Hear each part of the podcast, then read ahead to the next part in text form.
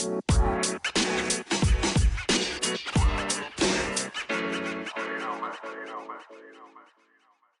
hei. Velkommen tilbake til Fantasy Snackis. Nå er vi endelig tilbake etter en grusom lang pause fra VM. Og jeg sitter her med min gode venn og kollega Eirik Doksom Haugerud. Hallo, hallo. Velkommen tilbake, alle sammen. Ja, det er veldig deilig å endelig være tilbake på, på podkasten her. Nå har vi sittet og venta egentlig og sett på VM og tenkt jeg gleder meg til Premier League starter igjen. Og det er gøy å sitte og prate litt uh, fantasy. Så det er egentlig bare å gjøre seg klar, for i dag så skal vi snakke om uh, Boxing Day som kommer opp. Vi har jo unlimited transfers fram til Boxing Day, så da må vi jo ta for oss hvert ledd med spillere vi anbefaler, aktuelle spillere. Så skal vi også nevne litt hvordan det har gått i VM med aktuelle fantasy-spillere.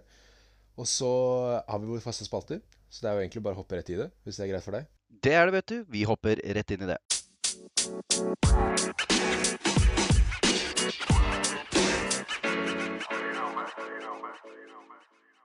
Da er vi inne i første hoveddel etter pausen.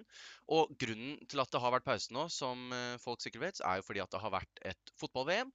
Eh, Og grunnet dette fotball-VM-et så har alle fantasy-lag fått fri med bytter nå fram til Gameweek 17. Den deadlinen det er eh, 26.12. klokken 12 norsk tid, så den er viktig å huske. Eh, men da er det jo eh, basically alle har fått et wildcard nå, så det må jo brukes. Så da skal vi rett og slett starte med å snakke litt om transfers. Både eh, våre personlige planer for våre lag, og litt sånn hva som er generelt lurt å se etter nå. Og da eh, tenker vi å gå gjennom ledd for ledd med keeper, forsvarsspiller, midtbaner og angripere. Og gå gjennom våre tanker på hva som er lurt og sånn. Så da Bommen, lurer jeg på Starte med keepere. Hva tenker du rundt det? Eh, akkurat nå, eh, jeg kan jo si på mitt draft, så sitter jeg med de samme som jeg hadde før. Det er Pope og Ward. Jeg har jo egentlig litt lyst til å Lyst til å kanskje snike inn en Kepa inn der, for han er billigere enn en Pope. Og jeg har egentlig ikke vært så fornøyd med Pope eh, når jeg har hatt den, for jeg kjøpte den liksom etter at han fikk de, alle de fine clean sheetene, og så har han fått en og annen clean sheet eh, her og der når jeg eide han. Så jeg er egentlig litt sånn, jeg har lyst til å prøve en ny keepersikte, så det er litt kjedelig som er de samme keeperne som jeg hadde før også. Men jeg tror Ward er sett, selv om han hadde et patetisk dårlig VM. Eh, han sto jo to kamper, ble det vel, for eh, Eller Ja, Han sto helt på slutten. Han var ja, ikke fordi keeper. Hennessy- fikk jo rødt kort, så han sto vel siste kamp. Ja. Og også slutten av andre kamp. eh, Og han var forferdelig. Han var ikke, ikke veldig god. Og han er jo sånn det har vært hele tiden, at eh, han ser veldig dårlig ut, men har jo fått masse clean sheets. Han er jo den keeperen med tredje mest clean sheets, tror jeg, hele Premier League. Eh, og han koster fortsatt eh, Eller jeg har jo eid den siden starten. 4,1 er han oppe på. Ja, 4,1, så er jeg fortsatt den billigste keeperen du får, nesten. Så han er my number two goalie, og han mot eh, Newcastle hjemme neste. Og så er Liverpool borte, men han blir jo fort på benken. Eh, og så er jeg Pope, som sagt. Men jeg, som sagt, jeg er jo litt sånn interessert i Kepa. Men han står også litt flagga akkurat nå. Eh, men jeg så noen bilder at han var på trening, så jeg har litt lyst til å få inn en Kepa istedenfor Pope, fordi Chelsea har jo et fint kampprogram. Eh, og så har de en double game week som kommer opp om to runder. Så jeg har lyst til å få inn han. Men eh, vi- får se. Hva med deg? Nei, jeg sitter jo litt i samme båt. Jeg sto med Alison og Rea. Alison fra Liverpool og Rea fra Brentford. Før nå. Nå har jeg oppdatert et draft her. Akkurat nå står jeg med Mendy og Ward. Eh, tenker det samme som deg med Ward. Altså, han gjorde det ikke veldig bra under, eh, under VM. Eh, men han plukka seg veldig opp i Premier League, og jeg føler Leicester generelt plukka seg veldig opp på slutten av eh, slutten av de siste rundene før pausen. da. Så jeg føler at eh, vant, han vant er 3-0 også i går i cupen. og han, så han, han kommer ut fra en clean sheet nå. Ikke det beste motstanderen i den ligacup-runden. Det var mye lavere divisjonslag eh, Premier League-lagene møtte. Men som en andrekeeper så føler jeg ikke det er noe bedre verdi. I hvert fall hvis han fortsetter litt sånn som han slapp, og Leicester er litt på en oppgående kurve. Så han er bankers andrekeeper. Men så er det hvem skal bytte ut Alison da, som min hovedkeeper. For Alison uh, skulle jeg bare ha inn på slutten av forrige runde uh, før pausen for å spille mot Southampton, som han fortsatt ikke klarte å holde klinsjen mot. Men jeg har jo sett litt på, som du snakket om, Chelsea-spillere. De har veldig godt program nå. To veldig gode kamper, og så en dobbel. Um, så jeg har lyst til å få inn noe der. Og der ser jeg at keeperplassen kan være min beste sjanse på å, å komme inn der. Um, spørsmålet for meg nå er hvem, hvem spiller. Er det Mendy som kommer til å spille, eller er det Kepa? Jeg tror Kepa spiller hvis han er frisk, men han er fortsatt Jeg er litt usikker på om han faktisk skal spille. Han er, så vidt jeg husker, fortsatt flagga på, på Fantasy. Det trenger jo ikke bety at han ikke blir klar. De er jo ikke akkurat de første som er ute med sånne oppdateringer. Men 75 sjanse for å spille akkurat nå. Foot injury. Så jeg kommer nok til å øh, Kommer nok til å se øh, på og følge med på nyheter. Se hvem er det som er mest sannsynlig kommer til å, å starte, og så gå med, med hvem nå enn av Kepa og Mendy det kommer til å være. Uh, så det er mine planer. Og når det kommer til keepere, så så er det liksom Det er, det er ikke så mye, mye å gjøre der. Hvis du har en Pope, så ville jeg nesten kanskje bare stått med han. Jeg tror Pope er et veldig, veldig godt valg eh, fremover. Newcastle har, har greit med kamper. De har en tøff bortekamp mot Arsenal eh, i Game Week 19, men utenom det så er det veldig mye bra fremover. Eh, så eh, keeper er kanskje ikke den plassen jeg ville brydd meg mest om. Eh, men hvis du Nå er muligheten til å gjøre keeperbytter. Eh, fordi det er noe du ikke helst vil bruke transfer på når du bare har én eller to.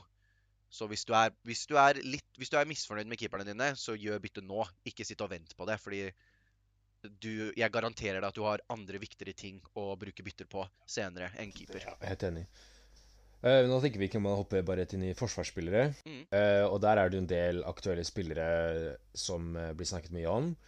Uh, jeg syns den mest aktuelle spilleren for min del, eh, og som jeg har sett mye på, det er Kyle Walker. Eh, fordi han er jo tilbake fra skade, og jeg hadde jo Kyle Walker før han ble skadet òg. Og han koster 4,8, altså. Og han er bankers på det City-laget. Og City har jo eh, en Leeds Everton, og så har de Chelsea Manu Tottenham etter det, men likevel City kan holde clean shit mot hvem som helst. Uh, så jeg, jeg har veldig lyst til å få inn en Kyle Walker, og akkurat nå så har jeg ham faktisk ikke inne, men jeg har lyst til å kanskje gå ned fra Cancelo ned til en Kyle Walker. Mhm. Samtidig som jeg er litt redd for å ikke stå med Cancelo, uh, siden mange andre har det. Men jeg tenker jo at det er uh, Kyle Walker er en veldig aktuell spiller, og så har du jo en Diogo Dalot, som også har en fin pris, eh, som spiller for et Manchester United som også Han tror jeg er skada nå, faktisk. Jeg leste akkurat at, uh, at han var ikke på trening, og det er ikke noe sånn tidsrom for når det kommer tilbake. Det er veldig som det står på Fantasy. Det er 75 sjanse for å spille. Jeg tror det er en 50-50% sjanse for at han spiller eller ikke. Eh, jeg tror Ten Hag, for han har ikke så veldig mye andre høyreback eh, så det hadde ikke sjokket meg hvis han er sånn Dalot trent én dag før kampen, så kommer fortsatt Dalot til å spille istedenfor Fambisaka, som har trent i en måned. ikke sant? Eh, så det er litt sånn hvis Dalot er på trening, så tror jeg han spiller. Jeg, hvis han er frisk, så tror jeg han er førstevalget. Så jeg tror han spiller, og han eh, Veldig bra valg, så sant han spiller, da. Ja, 4,8. Eh, har Nottingham Forest hjemme, Wolverhampton borte og Bournemouth hjemme i de tre neste. Det er veldig gode kamper, og han er jo Han bombanderer jo opp og ned den høyre flanken når han spiller, så jeg liker veldig godt tanken på en Diogo Dalot. Han var ganske god for Portugal også i VM. Ja, det også sett det. Og så er det jo eh, så klart Trippier er jo der inne. Han er jo bare en season keep, føler jeg. Selv om han hadde litt skuffende VM, han òg. Men han fikk bare den ene kampen, og så Han recorda ett skudd, ikke på mål. Ja, det var uh, For Kyle Walker ble frisk, så da tok Kyle Walker bare plassen til Trippier. Og han så ikke banen etter det. Uh, men jeg tror fortsatt at det Newcastle-laget er jo veldig imponerende, og han kommer til å bøtte inn assist og clean sheets for det. For jeg tror bare Trippier må du ha, føler jeg. Han koster 5,6, og det Newcastle-laget er i form. Så jeg tenker han må bare Han tar frispark, corner og alt mulig. Han, han er den eneste du Hvis du skal ha en forsvarsspiller, så er det Trippier, spør du meg. Ja, han er en av de bedre value-spillerne du, du får på, på spillet. Så definitivt en eh, som du bare Har du han fortsatt, sitt med han.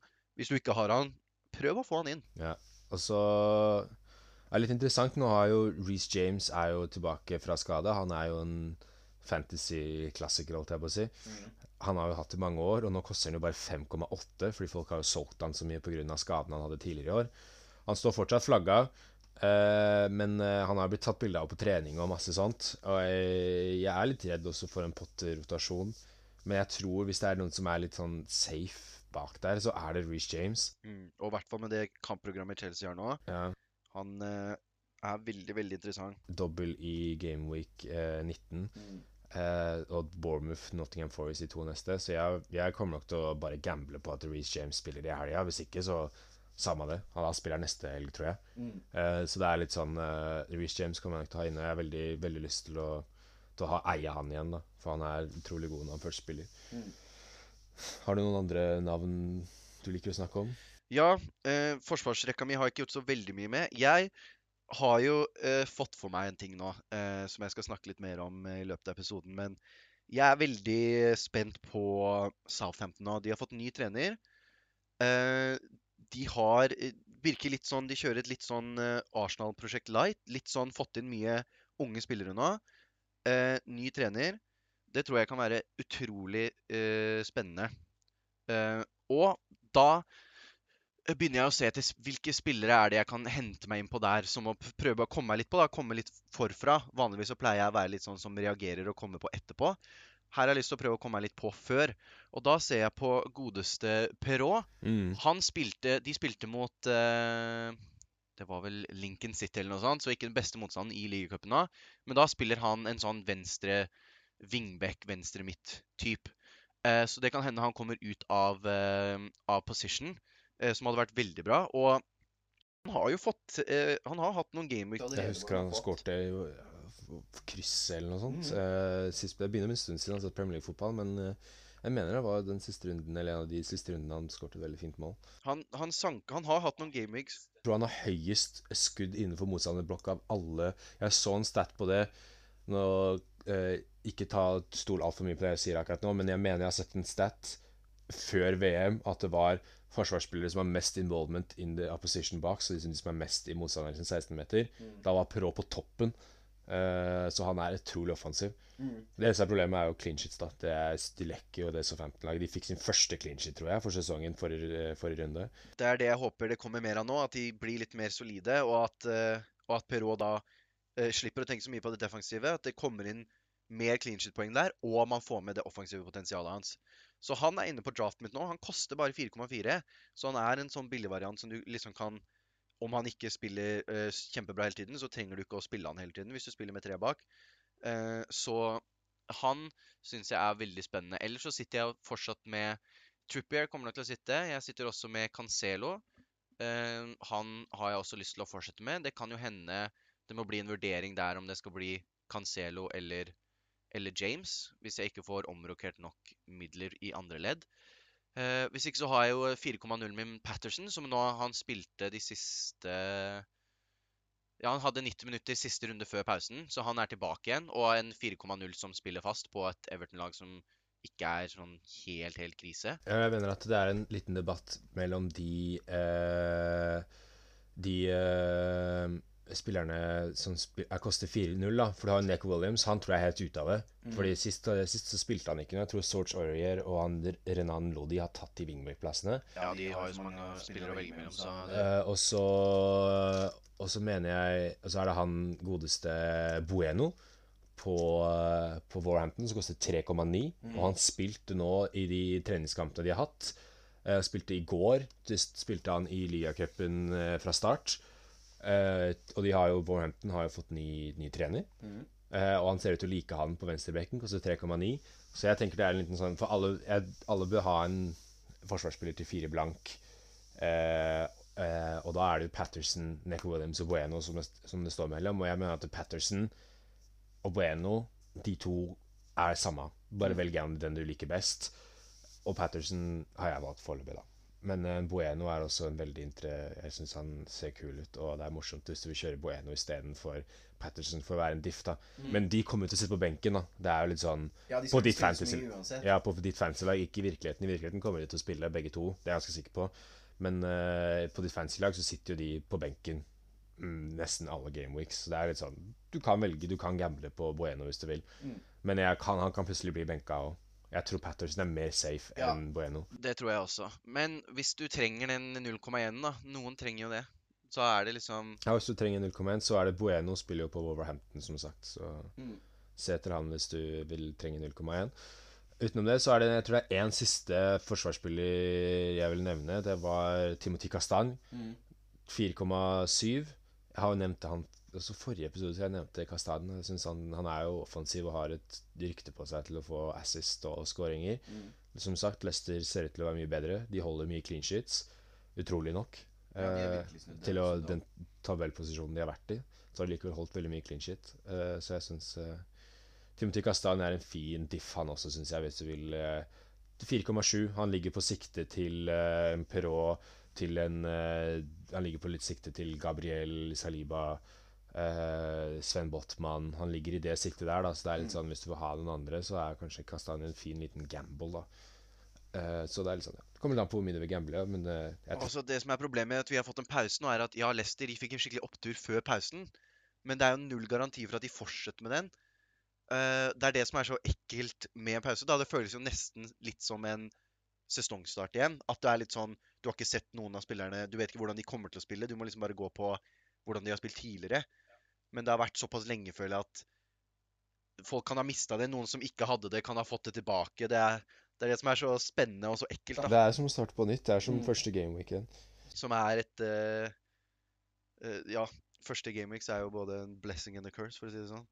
Men uh, da føler jeg vi dekket forsvarsspillere veldig bra, og vi kan hoppe inn i midtbanesnackisen. Mm. Og det første jeg vil eh, nevne på, på midtbanesnackisen, er Martinelli versus Ødegaard. Mm. Du snakker jo om Arsenal, beste lag i ligaen, på førsteplass i ligaen. Og da har du jo to midtbanespillere som ligger Begge kost, eh, Martinelli koster 6,8, Ødegaard koster 6,4.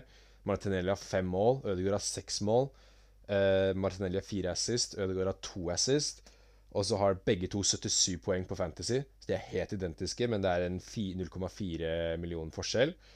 Og så har eh, Men Ødegaard har en høyere expected goal involvement, så han liksom, de forventer at han skal være mer involvert i mål. Mm. Uh, og så er Martinelli eid av nesten 50 mens Ødegaard er bare eid av 15% Så jeg syns det er litt interessant å uh, kaste inn en Ødegaard eventuelt istedenfor Martinelli, eller i tillegg til Martinelli, da. Mm. Uh, for Martinelli er jo litt sånn Han har sagt tidligere at han også kan være en sånn season keeper. I hvert fall nå som Jesus er skada, så må målene komme et sted, og det kan fort være Martinelli som er uh, den store kilden for mål. Uh, han kan jo også spille spiss. Mm. Kan jo fylle den rollen som spiss. Så jeg tenker jo at Martinelli er nok han jeg ville valgt, selv om han er dyrere enn Ødegaard. Men jeg kanskje hvis du legger på en Ødegaard i tillegg til en Martinelli, istedenfor Martinelli og Saka, da, så kan du ha Martinelli og Ødegaard. Da sparer du en to millioner på det. Mm. Så jeg syns det er Ødegaard føler jeg blir glemt, men han har like mye poeng som Martinelli. altså. Han er, eh, hvis jeg husker riktig, så er han toppskåreren i Arsenal nå. Med fem mål, tror jeg han hadde. Seks mål i Premier League, så Seks mål, ja. Eh, så han har jo gått veldig undervurdert, for han gjør så mye. Eh, så det har gått litt eh, Han fikk jo litt kritikk for at han ikke skåret så mye mål på slutten av forrige sesong og sånn. Og den har han jo bare eh, tatt veldig til seg da, og begynt å skåre mål igjen. Og det er jo Jeg føler at som et fantasy asset så er han veldig undervurdert. skårte nå i Friendly også, Mm. Han mot har AC spilt Milan. veldig bra i Mm. de um... Fått hvile. Dubai Supercup var det vel Arsenal spilte. Ja, han har fått hvile nå under ferien og fått trent og kobla litt av. I Mm. motsetning til Martinelli, da, som dro til VM, spilte én kamp. Ja. Eh, det er fortsatt en påkjenning å være der og trene og være i Qatar og trene og, i varmen og alt det der, så han har jo fått en påkjenning med å gjøre det, mens Ødegaard har, på, har fått sikkert en eller annen uke, to uker fri, og så har de vært på treningsleir og trent, og han har trent med laget, da. Mens Martinelli har trent med det brasilianske landslaget, som er et annet environment enn Arsenal sitt lag. Så det kan hende Ødegaard er litt bedre kikka til det, men så kan du også tenke at Martinelli har nok noe å bevise nå. For han er sikkert litt skuffa for å bare ha spilt det er så lite som han har gjort. Mm. Så han er sikkert litt sånn nå- skal jeg tilbake til Premier League og gønne på, ikke sant, og få litt uh, få tilbake selvtilliten litt. Vi står begge med Martinelli nå, gjør vi ikke det? Ja. Jeg hadde et draft her hvor jeg hadde Ødegaard inne, men problemet er at eh, da fikk jeg tre Arsenal-spillere, og jeg prøver å ikke ha tre spillere fra samme lag. Jeg hadde noen draft hvor det ble liksom tre Newcastle, tre City og tre Arsenal. Da blir det veldig lite variasjon i laget. Men øh, Så jeg kommer nok til å, å sitte og vente litt. Jeg sitter med Martinelli nå, men jeg er ikke å ha Ødegaard inne istedenfor han, tror jeg det hadde blitt da for meg. Jeg tror eh, jeg kunne blitt med på den. Jeg tror det blir litt sånn magefølelsen opp mot deadline. Ja, og så tenker jeg at eh, vi må jo ta debatt med premiumspillerne. Mm. Da er det jo Salah versus De Bruyne. Skal man ha en av dem? Skal man ikke ha noen av dem? Mm. Det er jo spørsmålet. Uh, og det er jo litt i tråd med om du skal ha Haaland og Kane, og, eller bare Haaland eller bare Kane. Uh, men jeg kommer, til, jeg kommer, til, å stå med Salah, for han er litt samme som Ødegaard Grunn. At han har fått hvile og fått vært på trening. Og, og uh, Yota er ute med skade, og Diaz er ute med skade. Mm. Så målene må jo komme et sted fra Liverpool også. Uh, jeg har jo, så klart er jo Liverpool-fan, så jeg har troa på at de kommer til å snu skuta. De hadde en liten tendens før, før uh, det ble VM at de var i ferd med å snu noe. Mm. så jeg har jo troa på at de kommer til å plukke poeng framover og kjempe om den topp fire-plassen. Eh, og jeg tror Salah kommer til å Han har jo eh, høyt eh, Han har vel høyeste assist og mål utenom Haaland, tror jeg, i Premier League. Fordi Haaland har så fryktelig mange skåringer. Ja, i Premier League så har han seks mål og tre assist. Mm. Også i Champions League så har han jo syv mål på seks kamper. Så han har jo gjort det bra denne sesongen, her, selv om folk liker å si at han ikke har gjort det bra. Men så er det det at han koster Det er den dyreste spilleren på spillet. Mm. Og skal du da bruke penger på han, det er spørsmålet. Og så er det samme til Bruyne. Kommer jo fra skuffende VM. Han har jo tydeligvis krangla mye i det belgiske laget, sier de. Det er det jeg har sett på, på draften mitt nå, så jeg bytta Sala rett ut for De Bruyne. Eh, fordi at han De Bruyne Han er nok en bedre spiller sånn akkurat nå, men jeg føler Sala har fått hvile nå. De Bruyne Jeg ble veldig Jeg har jo Trossard også sitt på laget mitt. Jeg hadde veldig lyst til å bare bruke ut alle Belgia-spillerne. For jeg føler at de Jeg vet ikke hvor mye det kommer til å påvirke dem, for det kommer veldig an på hvordan de er som personer. Og det vet jo ikke jeg sånn veldig. Men bare hele det Det var, det var visst ordentlig krise, dårlig stemning innad i laget. Og Brøyne går ut og sier at vi er for gamle til å gjøre det bra i VM. Er sånn, null sjanse for at vi vinner VM, vi er for gamle. Ja. Det sier jo ikke at det er null sjanse for at vi vinner VM når det er en av favorittnasjonene til å vinne, vinne VM. Også, men jeg så fra treningskamp så var det De Bruyne assist til Haaland. Jeg så det klippet, så ble jeg litt sånn eh, Ble litt våt i munnen av det. Mm. Jeg ble um, Sitte og se på City spille, og så ikke eie De Bruyne, er litt skummelt. Eh, og i hvert fall når du så det klippet, at han slår et innlegg, og så tapper Haaland inn, så er det sånn åh, Hadde vært deilig å eid begge, og så sett de gjøre det i Premier League. Mm. Så det er en, eh, det er en vanskelig, vanskelig eh, valg å ta der, om du skal ha De Bruyne eller Salah. Det kommer an på hvor mye dette VM-et og den, de kranglingene som har påvirket De Bruyne.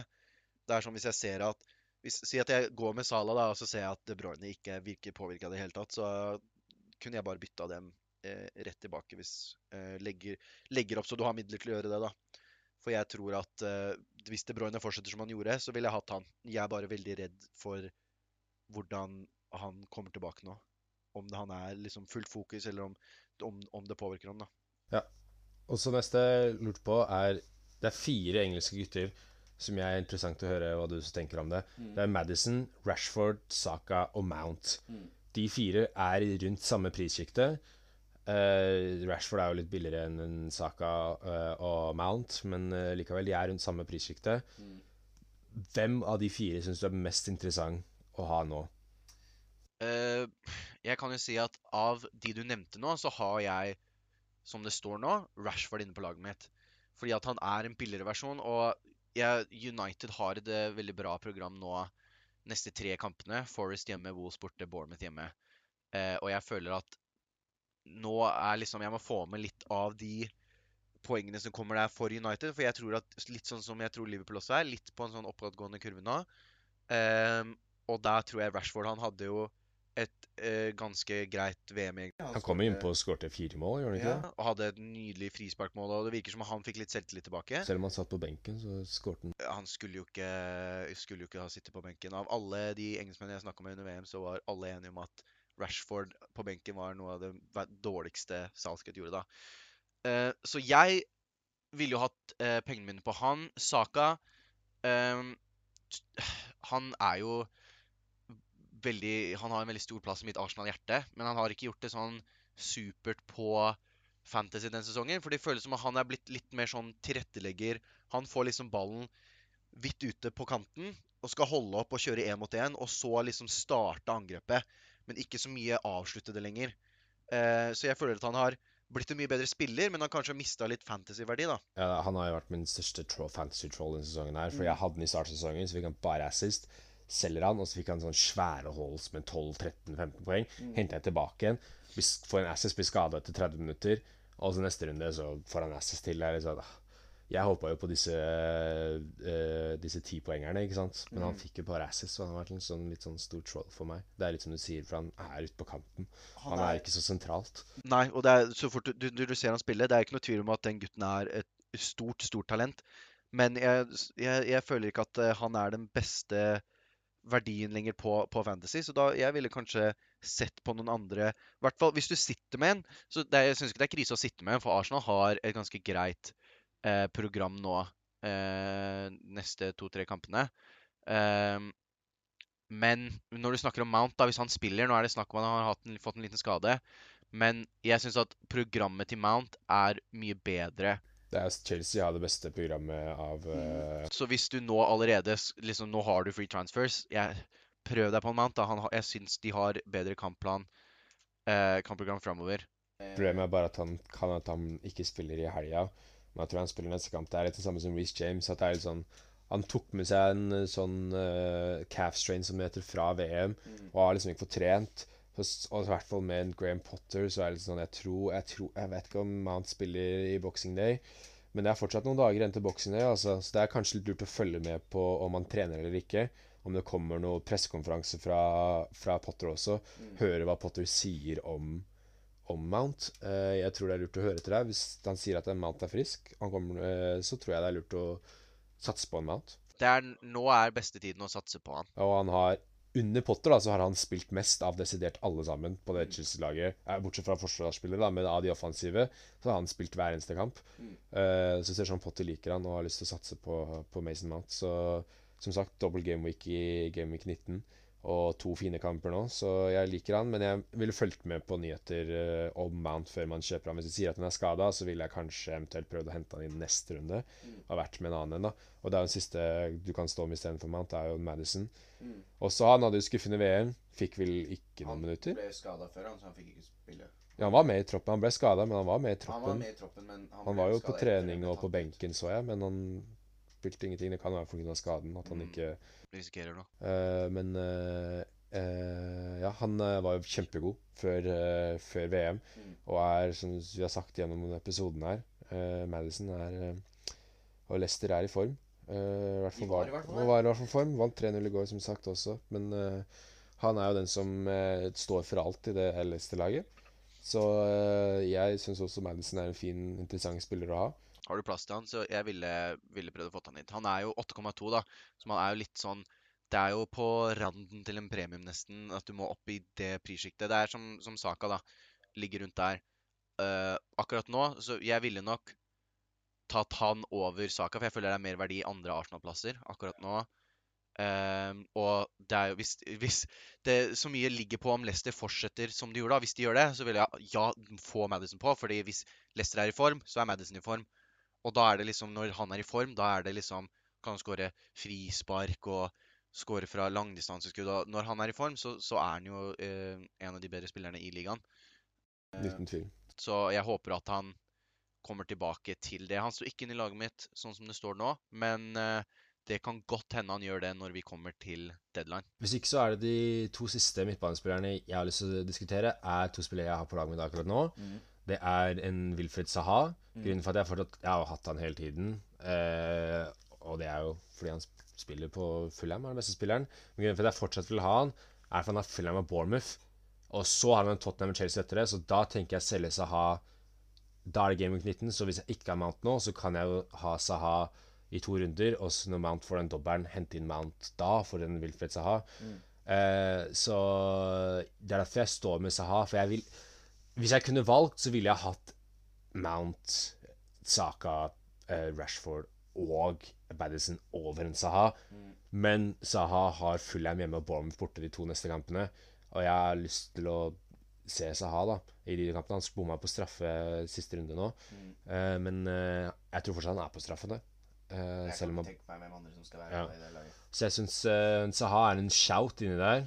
For hvis du skal spille litt fictures, spille på kampprogram, så er Saha en veldig god shout. Og så kan du kvitte deg med han etter neste to rundene, for da har han jo Tottenham, Chelsea, Newcastle og Manchester United. Mm. Eh, så det kan være fint å ha i to runder. Og så siste er jo vår lille paraguaner, er det man sier? Paraguener? Paraguaner? Paraguayaner. Paraguayaner. Eh, Almeron. Ja. Han har jeg ikke hatt på laget på Fantasy ennå, så jeg var litt sånn OK, nå må jeg bare ta inn Almiron nå. Jeg har ikke eid den, han har jo vært en av de beste spillerne på Fantasy poengmessig denne sesongen her. På et av de beste lagene i Premier League denne sesongen her. Uh, jeg tenker at hvis du har eh, Det er bare lurt å ha han. Ja. Kanskje han dobra nå, hvem vet, men jeg vil heller ta den sjansen på at han dabra med alle andre, enn å ta sjansen på at han dabra og ikke eier han, og så gjør han det bra, og så har alle andre han, enn meg. Da vil jeg heller liksom være på den andre siden og være sånn OK, jeg prøvde å ha den, han dabba, da selger jeg den, men alle andre gjorde det samme som meg, ikke sant. Eh, da, bl- jeg tror det er en litt stor gamble å stå uten Almeron, uh, så jeg føler han må, han må på, egentlig. Jeg er veldig enig. Uh, det som gjør at jeg føler meg mer komfortabel med å stå med han, da, er at ja, du veit ikke om den kolossale formen han har fått, fortsetter nå etter pausen. Sånn sett var det veldig dårlig for en pause, for han var on a roll, som det heter. da. Men eh, hadde han spilt på det gamle Newcastle-laget og bare gjort det bra, og at han var liksom og storspilte, så hadde jeg vært litt mer sånn mm, Da er jeg litt mer tvilsom. Men uansett så spiller han på et lag som har spilt veldig bra som et lag. Og da føler jeg at da er det mye lettere å fortsette den formen når du når det ikke bare står på deg, da, men alle andre egentlig har vært gode. Så derfor føler jeg at eh, det er verdt å, å stå på han. Eh, Og så er det jo prisen. Han koster 5,6. Han koster jo ingenting. Det er sånn, det er ingen andre spillere i det prissjiktet du kan som konkurrerer mot han. Det er sånn Du skal ha en billig midtbanespiller, så er det så klart disse 4,5 Andreas Pereira. Men hvis du skal ha en billig til, så er det jo Almeron som er fyren din. Da kan du jo oppgradere midler i forsvaret eller i angrepet for å ha en Almeron som tar mer poeng enn de fleste midtbanespillerne. Han har mest poeng av alle midtbanespillere. Ikke sant? Så det er, eh, jeg tenker det er no-brainer å ha Almeron på laget. Uh, og det føler jeg egentlig konkluderer litt midtbanespillere. Mm. Jeg føler vi ikke noen mange forskjellige aktuelle spillere. Uh, og da er det siste leddet er jo angripere. Mm. Og der er det jo Angrepet har vært litt interessant hele sesongen. For det har jo vært Mitrovic og Wilson og Tony og alle disse gutta der. Mm. Samtidig som du har hatt Haaland og Kane. Steady Eddie med Kane, som har Steady Eddie bare plukka poeng hele tiden. Han har veldig undervurdert sesong bare fordi at Haaland har gjort det så mye Ja, bedre. Alle veit at Haaland skal, du skal ha Haaland. Mm. Hvis ikke du har Haaland, så bare slutt å spille fantasy nå. Da spiller du det feil. Ja, da slutt. det Da er er ikke ikke noe noe feil måte å spille fantasy på, men da spiller du det feil. Ja, det er litt sånn Hvis du nå, med så mange bytter du bare vil, ikke tar en Haaland på laget ditt, da er du helt crazy. Ja. Da gambler du veldig mye. Eh, men ja, Haaland, du må ha Haaland, selv om det er litt kjedelig at alle har Haaland. Så er det bare sånn det er. Du må ha Haaland. Og da er det hvem skal du ha ved siden av da, på de to plassene. Jeg syns Darwin Nunes er Jeg skal ha Darwin Nunes. Mm. Han kom innpå nå mot AC Milan i en treningskamp og putta to. Eh, han hadde et litt skuffende VM. Eh, Uruguay var skuffende. Han var ikke spesielt god under VM. Men han så jo farlig ut også før VM for Liverpool. Skårte mål. Og nå kommer han innpå og skårer to mål. Han skal være spissen. Som sagt, Diaz og Yota er ute. Yota kommer tilbake i januar, og Diaz kommer tilbake i mars. Det er Firmino, Salah og Nunes som skal være trioen der oppe. Fram til Yota kommer tilbake, så blir det kanskje Nunes, Yota og Salah. Mm. Så målene skal komme et sted, og de kommer fort fra Nunes eh, i det Liverpool-laget. Så jeg tenker at eh, han er verdt å ha inne. Han koster tross alt ni, så han er jo dyr. Eh, og da tar du mye penger med Haaland og Nunes. Men jeg, for min del, jeg tror jeg skal ha Nunes inne. Jeg skjønner veldig godt hvis folk vil ha en Kane istedenfor en Nunes. Ja, for det er jo det det går på. Du kan ikke ha alle tre, så du må velge to av de. Ja. Og så er det litt sånn Det kommer litt an på hvor du vil ha midlene dine, da. Men eh, jeg skjønner også hvis folk vil ha andre folk enn Nunes. Men for min del så, så tror jeg jeg skal stå med Nunes. Jeg har liksom større sjanse for å bytte ut en Salah enn jeg har en Nunes. Jeg føler det er den Liverpool-spilleren jeg skal ha i laget, så er det Nunes. Ja, det er en god shot, ja. Jeg har sett på han shot. Ja, så er det jo, som vi sagt, det er jo Mitrovic i Fulham som har fungert bra. Fulham har veldig bra program eh, nå eh, fremover. Mye grått, men eh, Mye grått som er Men det er liksom det er, Mitrovic har vist han kan skåre mot hvem som helst. Mm. Han har gjort den sesongen her. Han har skåret mot alle topplagene nesten, så jeg tror uh, Mitrovic er veldig fin også, hvis du vil ha Mitrovic istedenfor Nunes og spare tre millioner. Det er jo en mulighet, det også. Og så har du jo Callum Wilson, som er tilbake. Gjorde det veldig bra før VM. Spilte riktignok Han fikk et mål i VM, han gjorde vel det? Han kom inn, nei, fikk kanskje assist, han. Ja, han kom innpå, så sentra han den så tap-in-en. Ja, ja, ja. Ja så, Han, spilte litt. så det var, mange mente at det var veldig sånn honorable av han da, å ikke ta det VM-målet sitt, men heller tenke på laget og få den tap-in istedenfor.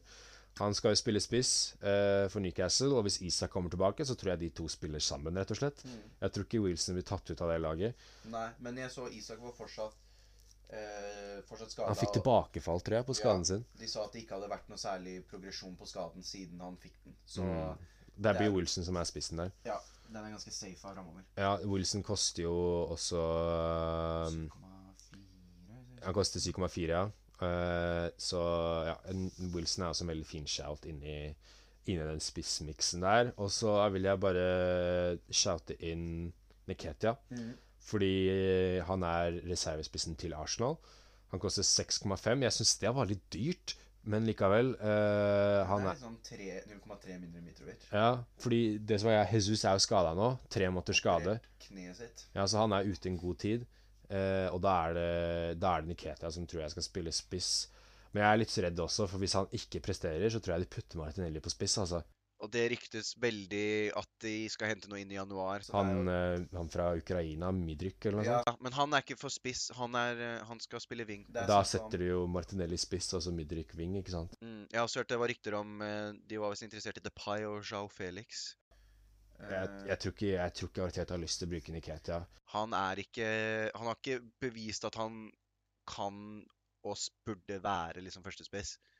Så jeg Det er en god shout nå, fordi han kommer til å få i hvert fall én eller to kamper på ligaens beste lag. Så det er jo en shout-up å ha han inne nå de neste to rundene eller noe sånt. Se hvordan det går, liksom. Uh, en, og da enten så vinner du Gjør han det bra, så vinner du på det. Og eh, gjør han det ikke bra, så har du ikke tapt så himla mye på det heller. Så jeg syns det er, eh, er en god shout. Det er, blir litt om du, skal ha, om du vil ha han eller Mitrovic, da. Eh, de type. Ja. Så, og så siste jeg vil også nevne, er Ivan Tony. Mm. Han gjør jo absolutt alt for Brentford. Han tar straffer, han skårer frispark, og han skårer eh, fantastiske mål, og han better på fotball. Ja. Det er det som er problemet, at eh, han har blitt tatt nå Jeg tror han har blitt tatt for 262 regelbrudd på betting. Yep. Så det er en sak der som er litt farlig med å eie Tony. Plutselig så blir han banna resten av sesongen for Det er det jeg er veldig redd for. ja, eh, så det er litt sånn eh, Jeg er litt redd eh, for, for når eh, For Ivan Tony. Men eh, han er, gjør alt for Brentford, så jeg har litt lyst til å Lyst til å Til å eie han. Uh, men uh, ja, jeg som sagt jeg er litt redd for, uh, redd for Ivan Tony. Det er så mye usikkerhet der med den med den saken, da. For det er jo tydelig at noe kommer til å skje her. Er, han er jo skyldig som bare det. Og Brentfords neste kamper er Tottenham hjemme, Westham borte, og så har de Liverpool hjemme. Så de neste tre rundene Jeg føler ikke det er noe sånn De har ikke kampprogrammet til å liksom Jeg må ha Tony nå. Du kan sitte og vente og se. OK, spiller han, liksom? Eller hvordan, hvor, hvordan progresserer denne, denne saken? Er det, hva er liksom kommer til å skje? Får han, må han betale bot? Blir han bannlyst? Um, så fortsetter han å gjøre som han gjør, så er han absolutt en som uh, er eh, verdt å ha på laget. Men jeg føler det er uh, Heldigvis så er situasjonen satt opp sånn at du trenger ikke, du må ikke ha han nå. Du kan sitte i båten og vente litt og se på han, bare. Og så er det jo litt eh, Nå føler jeg vi har gått gjennom alle leddene. Mm. Vi har dekket laget, og du kommer til å sette opp laget ditt nå så, eh, til eh, for egentlig Boxing Day. Mm. Og hvis du har ødelagt alt etter de første sånn, to-tre rundene, så er wildcard Ditt andre wildcard da, vil bli tilgjengelig etter eh, mandag 26.12. Da vil du få ditt andre wildcard eh, aktivert. Eller available, ikke aktivert. Mm. Men vi vil anbefale at du sparer det til seinere, når det er double game weeks og planks og alt det der. Mm. Da er det bedre å ha en sånn chip-strategi eh, i seinere tid og spare wildcardet ditt. Men hvis alt går til dass med laget ditt nå, så har du muligheten til å fikse det med et wildcard om ikke så lang tid. Men samme også, det er litt sånn første runde-type vibes. At det er litt sånn Hvis ting går dårlig, sitter de rolig i båten. Det er første runde. Du, har, du kan hente deg inn igjen ganske fort. I hvert fall i juleprogrammet der hvor game weeks kommer oppå hverandre hele tiden. Ja, det blir mange kamper nå. så Det er fort gjort å bare snu det. Ja, og det er, det er veldig viktig å ikke bli for eh, rastløs når det kommer til endringer og sånt. Og vi, det er jo akkurat som i starten, som du, du snakker om, at selv om det går litt dårlig, så, så snur det fort. Og hvis du er generelt fornøyd med, med ha, spillerne og har gode spillere, eh, så hold på Hold på alt sånn wildcard og free hits og sånn så lenge du kan. egentlig. Siste vi skal snakke om i denne hoveddelen før vi hopper inn spalter, er litt VM. Mm. Uh, og vi skulle snakke litt om liksom winners som er slitne hjemme, tapere av VM. Kanskje ikke de vi allerede har nevnt, da, men litt spillere som vi ikke har nevnt allerede. Mm. Som er aktuelle fantasy-spillere. Ikke litt sånn Sånn som Konate har jo gått til VM-finalen. Man er ikke et realistisk uh, fantasy-option bare fordi det er mye konkurranse med midtstopperne for Liverpool. Uh, så en vi ikke har nevnt, er jo, som har gjort det bra i VM, er jo en uh, McAllister Mm. Han som vant VM. bra. Gjorde veldig bra i VM. Har gjort veldig bra i Brighton denne sesongen her også. Brighton var kjempesmarte, signerte han på langtidskontrakt rett før VM. Mm. Så han blir værende, men han kommer ikke til å spille det første Premier League-runden. Han er på fest i Argentina. Han, eh, det står nå på Fantasy at han er ute pga. det de kaller personal reasons. Og det er jo fordi han har festa som bare det. Fortjent nok. Veldig forståelig. Men han eh, Jeg kunne satt mye penger på at han ikke spiller første Gamer Gass. Og så anbefaler jeg å sjekke ut hva han kommenterte på kjæresten sin Instagram når han vant VM. Det er litt morsomt å sjekke. Så hvis du har muligheten, gå på McAllister sin Instagram, og så sjekk kjæresten hans sin Instagram, og så ser du hva han har kommentert der. Han er type. Eh, utrolig morsomt å se han eh, spille på Argentina, men eh, ah, hvis han fortsetter som han gjør Absolutt en som kommer inn på laget mitt, men ikke med en gang. Det eneste jeg snakka om den på alle episodene, så følte jeg, siden vi starta med det, så føler jeg jeg har nevnt McAllister i hver episode. Ja, du aldri, jo hatt jeg, han. har, jeg, hadde, han- jeg veit ikke om jeg aldri hadde han, men jeg følte jeg snakket om han, men jeg aldri eide han. Mm. Uh, og så er det da siste spilleren som jeg, Vi har jo nevnt mange Eller ikke siste, men vi har jo nevnt uh, mange spillere allerede som hørte bra i VM, som Dalot, Saka, Rashford og sånt. Uh, men noe vi ikke har nevnt, er jo Perisic, som er jo den evige wingback-debatten på Tottenham. Han også, tror jeg. Han er også en av de, han også en av de som er slitne, tror vi. Han har vært i en bronsefinale, spilt nesten alt for Kroatia. Han så veldig god ut for Kroatia, var veldig god. Kroatia er veldig gode. Eh, og så Jeg har alltid syntes han er den beste wingbacken Tottenham har, men det er så krevende fotball Conte spiller at han må rotere når de spiller Champions League, FA Cup, Carabao Cup og Premier League. Ja. Så det vil jo være en rotasjon der. Og jeg vil ikke, hvis du har Perisic inn på en draft nå, eller hatt han tidligere, så ville jeg ikke ha stått med han nå. Da ville jeg venta noen runder til Perisic har kommet inn i, inn i det Tottenham-laget. For han har, odds er jo at han fortsatt har en liten pause. Ja. Hadde Conte ha gitt han en uke off etter VM, og er sånn du kan komme litt inn i det. Og de har liksom Cézinho, de har liksom spillere som kan dekke posisjonen hans, så da er det liksom odds at det Conte har vært sånn Ta deg noen dager off, eh, for du har liksom hatt en tøff konkurranse, og så kom tilbake med friske, friske bein. Når du allerede driver og rullerer, og du har en spiller som kunne trengt en pause, så kommer han jo ikke til å tvinge han til å spille. Men det er jo en shout-out til Cézinho, da, faktisk. Mm. Eh, For jeg tror han kommer til å spille Hvis ikke så har de jo putta Uh, Har de ikke putta eh, Emerson Real eller Dorteri ut på venstre wingback også? Jo. Mm.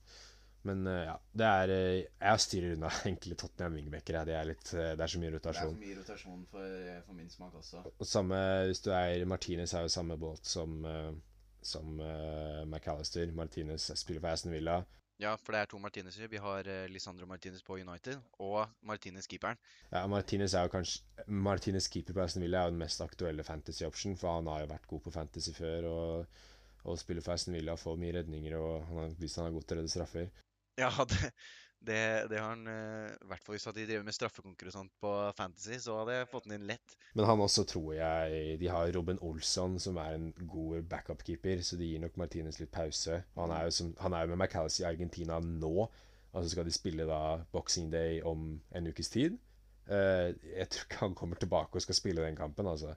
Nei, i hvert fall fra å vinne, fordi at uh, med keepere så føler jeg de kommer litt fortere tilbake, fordi ofte så er det ganske stor forskjell på førstekeeper og reservekeeper.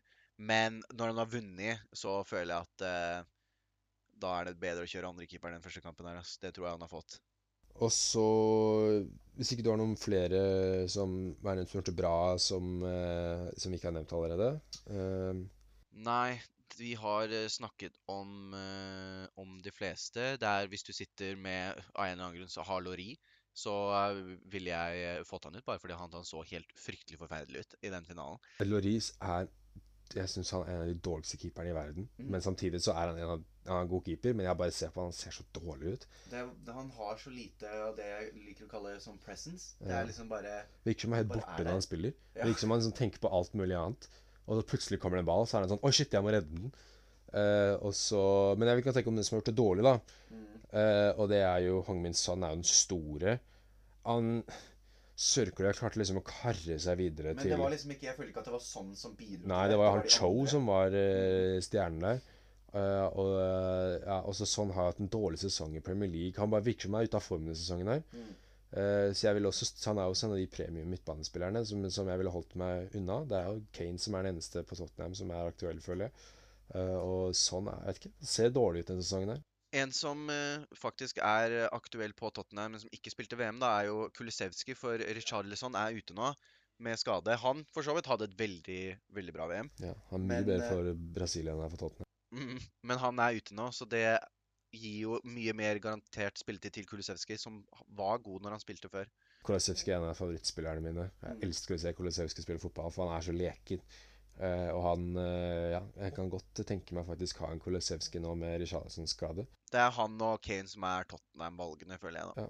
Kolosevskij er veldig god good shout. Mm. Da føler jeg vi har en stor hoveddel med mye innhold. Gått gjennom masse, og eh, det har jo vært for så vidt uh, veldig bra, syns jeg, da. Ja, nå har du masse gode tips og fakta, det du trenger til å sette opp laget ditt før, eh, før vi starter igjen. Ja. Men vi er jo ikke helt ferdige ennå. Vi Nei. skal jo snakke litt om spalter, så kan vi ikke bare hoppe i spaltene? Vi hopper rett inn i de.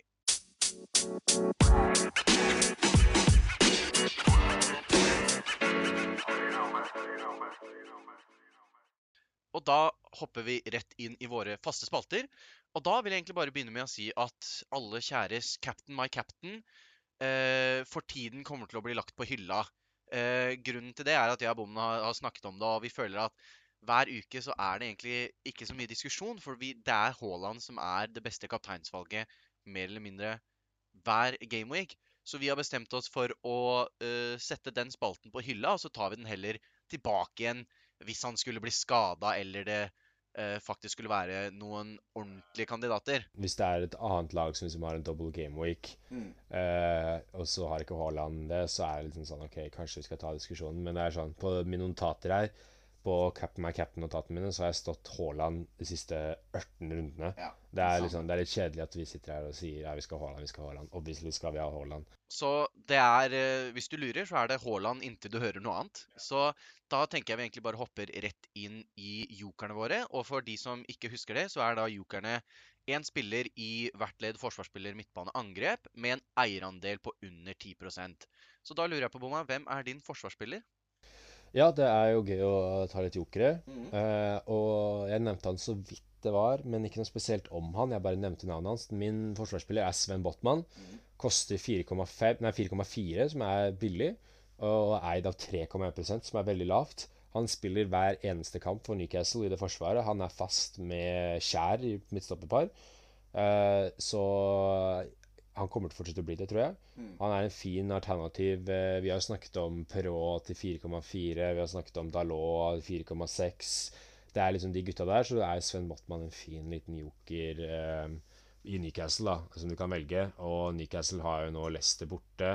Og så har de Leeds hjemme, og så har de Arsenal borte og Fulham hjemme. Mm. Så det er litt sånn Han er den billig, billigste veien inn i det Newcastle-forsvaret. Ja, hvis du skal ha noen andre enn uh, Hvis du har eh, Jeg håper jo at du har Trippier, men hvis du ikke har Pope, og du vil ha en forsvarsspiller til eller en defensiv fra, fra Newcastle, så tror jeg Sven Botman er et veldig godt valg. Mm.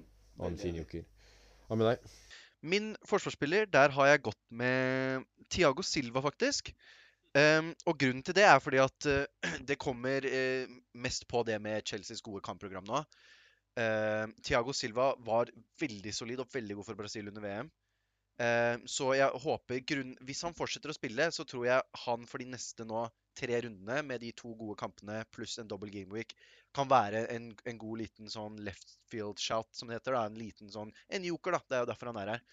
Eh, så han er en solid. Jeg bare, Han har spilt VM, han har vært og reist nå. Han, er jo ikke, han blir ikke noe yngre, så jeg er bare litt usikker på hvor mye det har tært på han, om de velger å, å gå med noen andre. Men nå har jo for faen blitt skada, da. Så nå er det en mindre som kan ta den plassen fra han. Så, og han har vært solid. Jeg tror Potter liker det solide rutinen hans i det, i det forsvaret. Så han ville jeg vurdert hvis du er på utkikk etter en liten diff. Han er da eh, Glemte å si det. Koster 5,4 og eid av bare 6,4 Ja, Det, han er en god shout. Mm. Eh, så er det joker på midtbanen. Mm. Eh, en joker jeg har på midtbanen, som er en av de spillerne som har fått mest poeng i Fantasy i år. Det er Rodrigo på Leeds. Mm. De har riktignok nå uh, City hjemme i neste kamp, uh, men Rodrigo har vist han kan skåre mot hvem som helst, han også. Og samme med, med det Leeds-laget. Putta putta jo tre mål borte mot, uh, mot Tottenham, Mm. og slo Liverpool borte 2-1. Eh, så det er jo et lag som kan skåre mot hvem som helst, og Rodrigo har jo vært main guy på det Leeds-laget i angrepet, og han er jo da Koster 6,3 og eid av 8% så han har jo fortsatt en lav eierandel, og han koster ikke veldig mye penger, altså. Nei. Det er en god shout. Jeg føler at uh, hvis du skal prøve deg igjen på han nå, så er det nå som er tiden, liksom. Fordi kanskje han får Nå har han fått litt pause. Han starter veldig bra, dabba ned. Kanskje kan han starte veldig bra igjen nå. Ja, Det er uh, bra. Hva med din? Nei, på midtbanen så har jeg faktisk en spiller som vi har nevnt tidligere. Det er godeste Alexis McAllister. Eh, men dette må eh, presiseres med at dette er ikke en du vil ha inn nå for neste runde per se. Eh, han er en veldig god forsvarsspiller, og en VM-vinner til 5,4 er eid av 4% som spiller på Brighton. Det kommer aldri til å skje igjen. Så jeg tror at han kommer til å være veldig mye verdi når han først kommer til å spille. Men han kommer ikke til å spille første runde. Så det er ikke noe vits å ta han inn nå. Med mindre du har plass til å ha han på benken, da. Ja. Eh, han koster bare 5,4. Det er jo ikke Det er vel ganske billig. Det er ikke helt sånn 4, Han kommer vel til å gå opp i pris også når han er tilbake, for da vil mange folk hente han inn, så du Mm. kan jo få med deg litt verdi, da. Så hvis du vil ha han for den 4,4 nå, så er tiden å hente han inn nå. Hvis du kan sette han på benken. For han kommer til å spille kjempebra, men han kommer ikke til å spille første runde. De sier jo at han er tilbake, forventet tilbake i januar, så han Mm. mister jo hele det Opplegget her. Det, Det er to runder, det. Mm. Ja. Uh, ja. Hvem er din uh, angrepsspiller? Min angrepsspiller, der har jeg gått med godeste Che Adams på Southampton.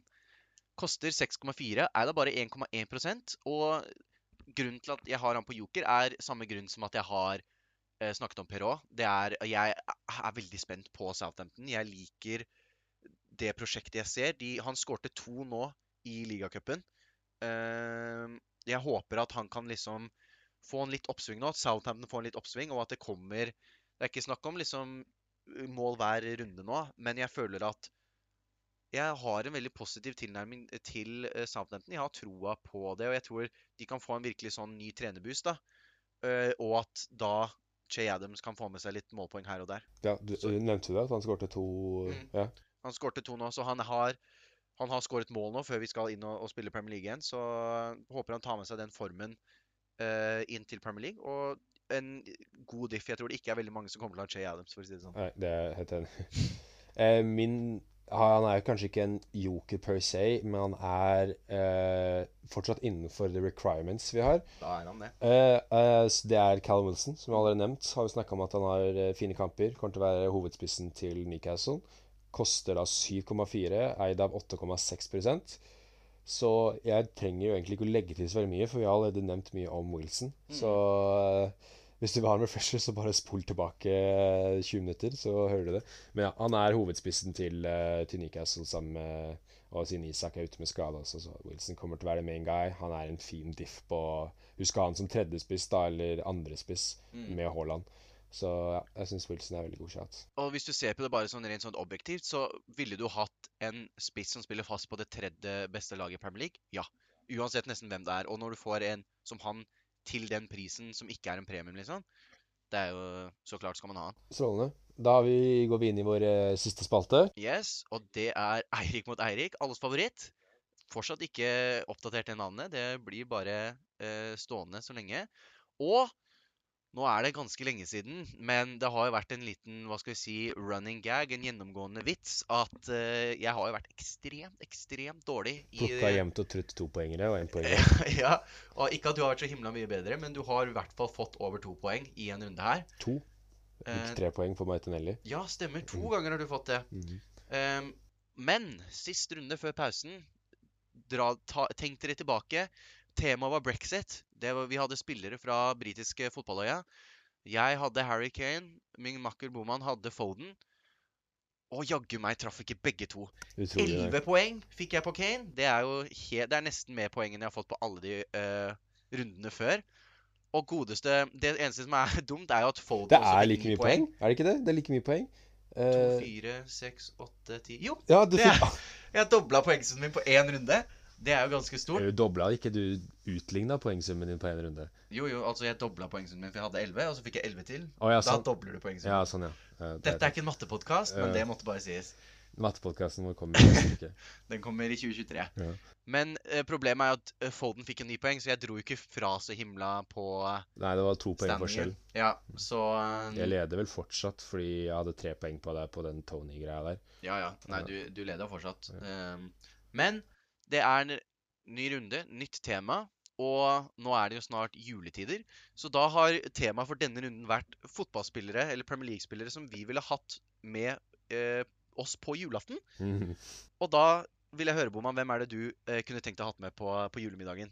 Yeah, det er jo ikke Det er litt vanskelig å velge dette her. Mm. Som jeg ville ikke hatt Haaland på julemiddagen min, fordi han spiser all maten. Og jeg orker ikke høre på sånn vestlandsdialekt eh, en hel julaften. No offense hvis du er vestlandsk. Eh, der mista vi noen lyttere, men sånn Ja. får det bare være. Eh, og så ville jeg ikke hatt eh, kanskje sånn eh, en eh, Phil Foden, for jeg føler han er en liten drittunge. Han jeg- ser litt sånn drittungete ut. Ja. Eh, så jeg altså så vil jeg vil ikke hatt van Dijk heller, for han føler jeg har vært så redd for han. For han er så, så stor. Ja. Uh, men den jeg har valgt, da, det er Kyle Walker. Han ville jeg hatt på julemiddagen min fordi jeg føler at han er en veldig jordnær person. Alt jeg har sett av intervjuer av han, han virker veldig jordnær. Virker veldig ydmyk, virker veldig hyggelig. Virker som en, Han er jo en familiefar. Det er litt sånn der, han virker bare som en fyr du vil ha rundt middagsbordet og slå av en god prat med, og kan lære mye av alt han har gjort. Og han, ja, han virker bare som en veldig jordnær og fin fyr. Og jeg kan gjerne ha ham på julemiddag. Og samtidig som jeg tror han får godt med poeng neste runde, da. For det må jo velge en spiller som vi også tror kommer til å få poeng. Så jeg tror eh, Kyle Walker kommer til å hente litt poeng neste runde, og så tror jeg det blir veldig hyggelig når han kommer på julemiddag. ja, og jeg tror han har mange Han har jo eh, begynner å bli gå litt opp i åra. Så Jeg tror han har 32? 32 år? Sånn. jeg tror han har mange gode fotballfortellinger eh, som jeg kunne sittet i timevis og hørt på. Og jeg har også sett Han virker som en veldig koselig fyr, så det er god shout. Jeg har eh, valgt en spiller eh, For når jeg tenker hvem som jeg skal ha med på julaften, så vil jeg ha noen som er eh, Det må være noen som er hyggelig, som jeg føler er omgjengelig med folk. Kommer godt overens med folk lett. Og tenk litt på språket, at jeg faktisk klarer å kommunisere med, med denne personen. Eh, det gjør du med, med Kyle Walker. Engelsken eh, eh, er jo null problem. Så jeg har kjørt litt i samme retning. Jeg går med Marcus Rashford. Og da, når jeg sier Marcus Rashford, så er det noen som kommer til å tenke det i mening. Men hvis du ikke skjønner helt hva, eh, hvordan Marcus Rashford er som person, så var det for en Ja, det begynner å bli en del år siden nå. Så var det noe det var noen problemer. De skulle stoppe med skolemat, gratis skolemat til elever i, i, i Storbritannia. Og Marcus Rashford gikk inn og, og fikk stoppe dette. Jeg husker ikke om han betalte for det sjøl, men han fikk i hvert fall gjort om det, sånn at, eh, at de ga, fortsatte og ga gratis skolemat til alle skolebarn i, i Storbritannia. Og han eh, gjorde dette her på he helt egen initiativ. Dette var bare en sak som han brant for. Og har jo blitt veldig hylla for det som han, han skal ha blitt. Og bare en, en sånn spiller i en så ung alder, uh, det viser veldig stor karakter. Og jeg føler at uh, han er en, en person som jeg vil ha en middag med og bare snakke og høre. For han har liksom Ja, han Han virker bare som en helt utrolig, utrolig god, god person. Selv om jeg har jeg skal være ærlig og si at jeg har slengt noen, eh, noen banneord mot han når han har spilt mot Arsenal opp gjennom årene. Ja. Det Naturlig nok. Ne- Naturlig nok, for han uh, har eh, hatt en tendens til å score mot oss. Men uh, absolutt en, en god kjernekar som jeg Jeg tror han ønske er veldig hyggelig å ha ham på, på middag. Så da er det altså Rashford for meg på Manchester United og Kyle Walker for deg på Manchester City. Eh, Strålende. Da tenker jeg vi kan egentlig bare runde av der. Og så er det jo uh, boxing day, så eh, jeg håper alle koser seg for først og fremst på julaften. Nyt julaften, nyt romjula, førjulstiden alt det der. Og gjør seg klar til boxing day, andre juledag. Det er jo beste dagen nesten i juletider. Man skal kose seg, men man skal ikke kose seg så mye at man glemmer å sette Ja. Du må huske å sette laget ditt, selv om det kan være busy juleperiode. Så sett av en halvtime til å Først setter du en time til å høre på podkasten her, og så setter du en halvtime til å sette laget ditt. Supert. Ja, og det begynner med Brentford Spurs og avsluttes med Arsenal Westham, så det er bare å glede seg til boxing day. Deadline da, eh, minner på igjen, er klokka 12 norsk tid 26.12. Laget må være gjort før det, det er viktig. Utenom det så er det bare å ønske alle en god jul. Takk for at dere lytter på, og håper dere er klare for en ny halvsesong med Fantasy Snakkis. Ja, det er veldig deilig å være tilbake. Tusen takk for at du hørte på. Sjekk ut Instagrammen vår, at Fantasy Snakkis. Der blir det mer updates om uh, videre podkast. Vi kommer til å fortsette nå å lage podkast for hver, hver runde. Mm. Så godt det lar seg gjøre hvis ikke noe kommer opp. Men uh, tusen takk for at du hørte på. Ha en riktig god jul. God jul. Ha det, ha det.